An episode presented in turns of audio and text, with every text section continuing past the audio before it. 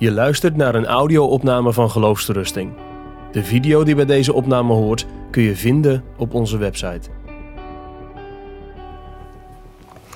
Laat u met God verzoenen. Dus nu naar het geheim van 2 Korinthe 5.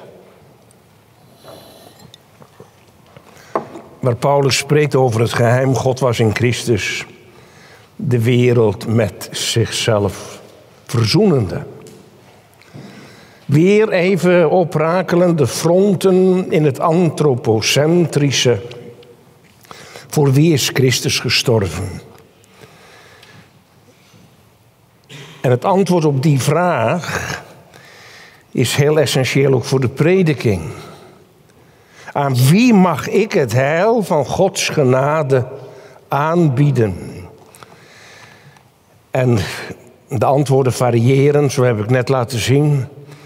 Hij is gestorven voor de hele wereld. Met het gevaar van de alverzoening. Hij is voor ons allen gestorven, ook als je het niet weet. Karl Barth ging in die richting. Je komt er later wel achter dat je toch verzoend bent. Allerlei dwalingen op dat terrein.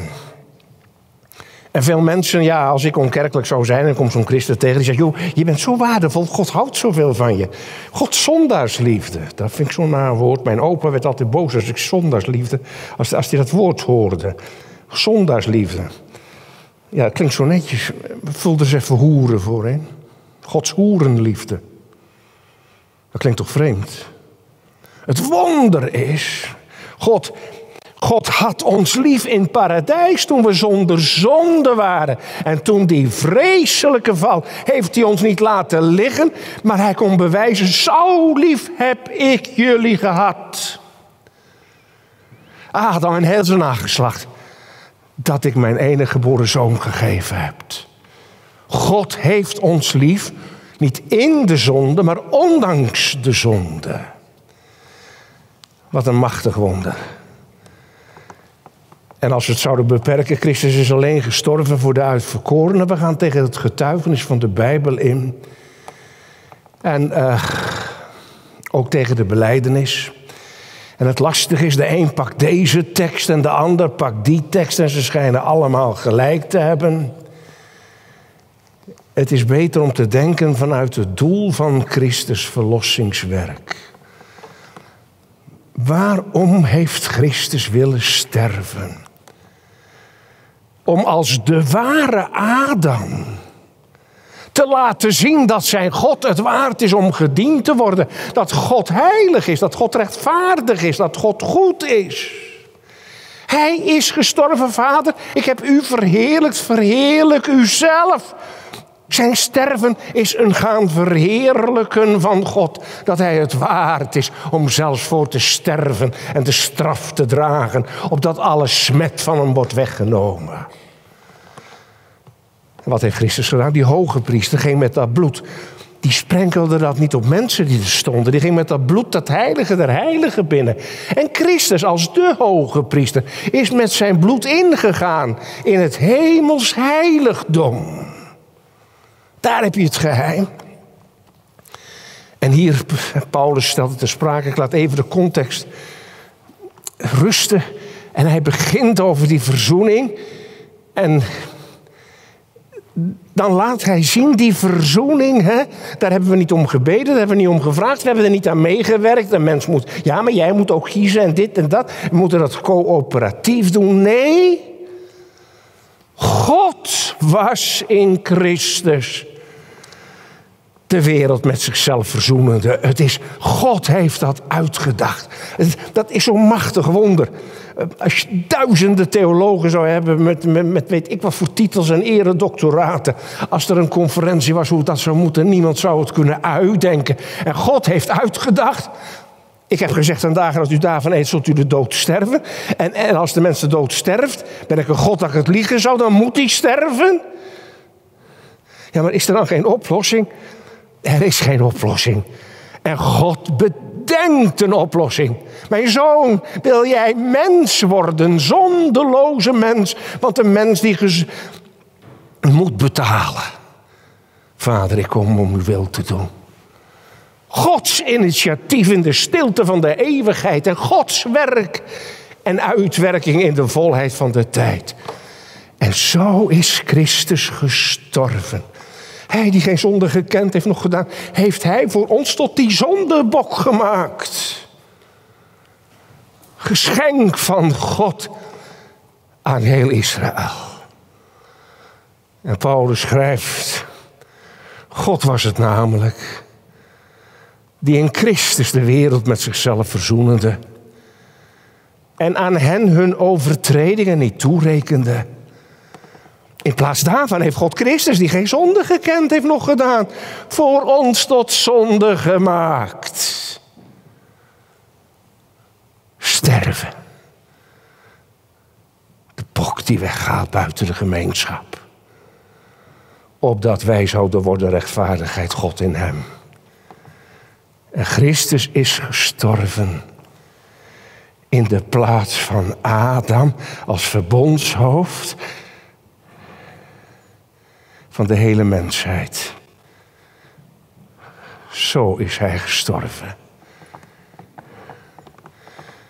Het onderscheid met de grote verzoendag is dat in Leviticus 16 lees je elke keer Israël.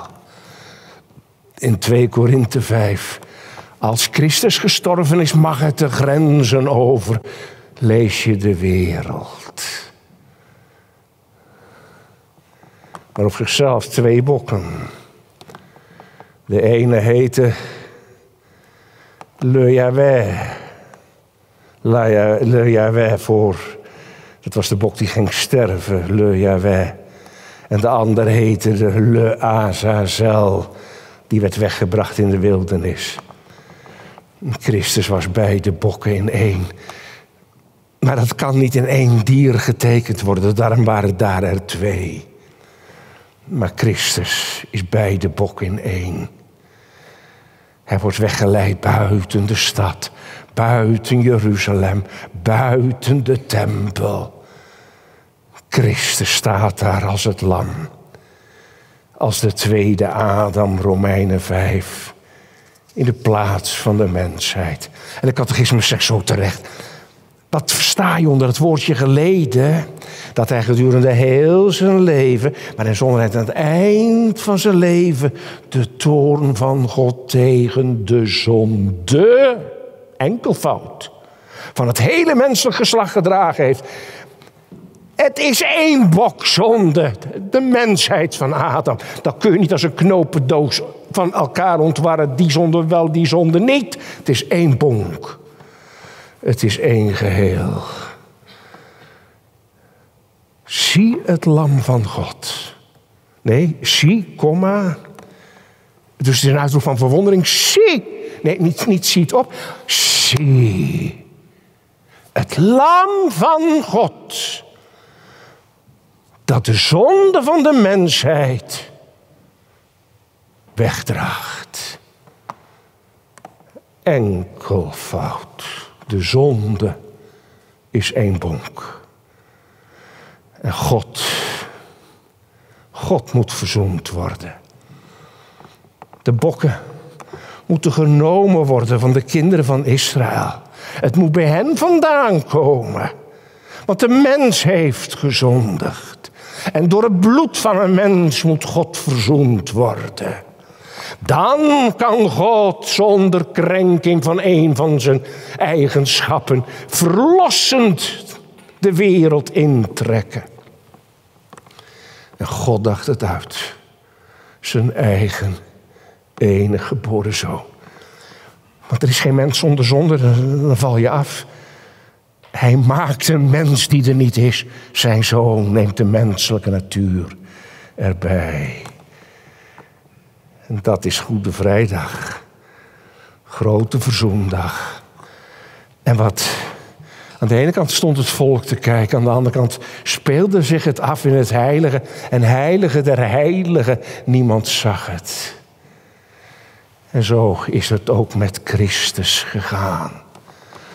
Wat er werkelijk gebeurde, zag niemand.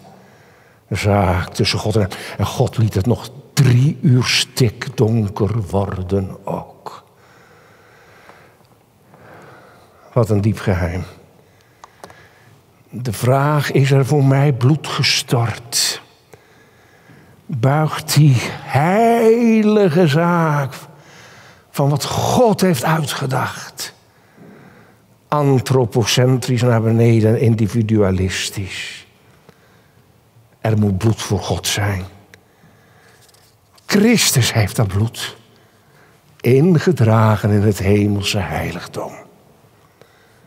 En God is verzoend met de wereld. Op de grote verzoendag werd door geen enkele Israëliet wat gedaan. Ze keken alleen maar. En Leviticus 16 vers 17 vermeldt een absoluut verbod. Geen mens zal er komen in het heiligdom dan alleen die hoge priester. Wie toch komt zal sterven. Dat geldt ook in het Nieuwe Testament. Alleen Christus is in, het, in de stilte van de eeuwigheid door God verordineerd en in de tijd door de Heilige Geest gezalfd. Alleen Hij mag verzoening doen. Alleen Hij kan verzoening doen. En als Hij verzoening doet, zal zijn offer niet geweigerd worden. Maar dat betekent tegelijk, jij en ik, wij kunnen alleen in Christus naderen. En vandaar Hebreeën, langs die verse en levende weg die hij gegaan is met zijn bloed voor de troon van de Vader. En met eerbied gezegd, God op zijn troon. En dan staat daar dat bloed van Christus. En kom jij van beneden en dan kijkt hij door het bloed. En jij zegt om Jezus wil. En in het bloed ziet hij jou. Alsof je nooit geen zonde gekend, nog gedaan had. Buiten Christus, eeuwig verloren. In Christus gered.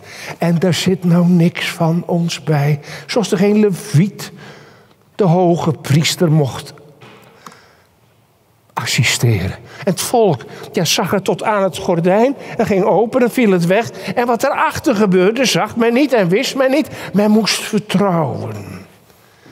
Zo is dat ook met Christus. Niemand van de discipelen heeft achter het gordijn gekeken. Hij is alleen de weg gegaan. Maar wat een wonder uit dat heiligdom klinkt drie keer een roep tot het aangezicht van de Vader. Mijn God, mijn God, waarom heeft u mij verlaten? Hij is, hij is in strijd, hoor je het, hoor je het? Waarom behandelt u, waarom verlaat u mij als Adam? Ik hang u aan.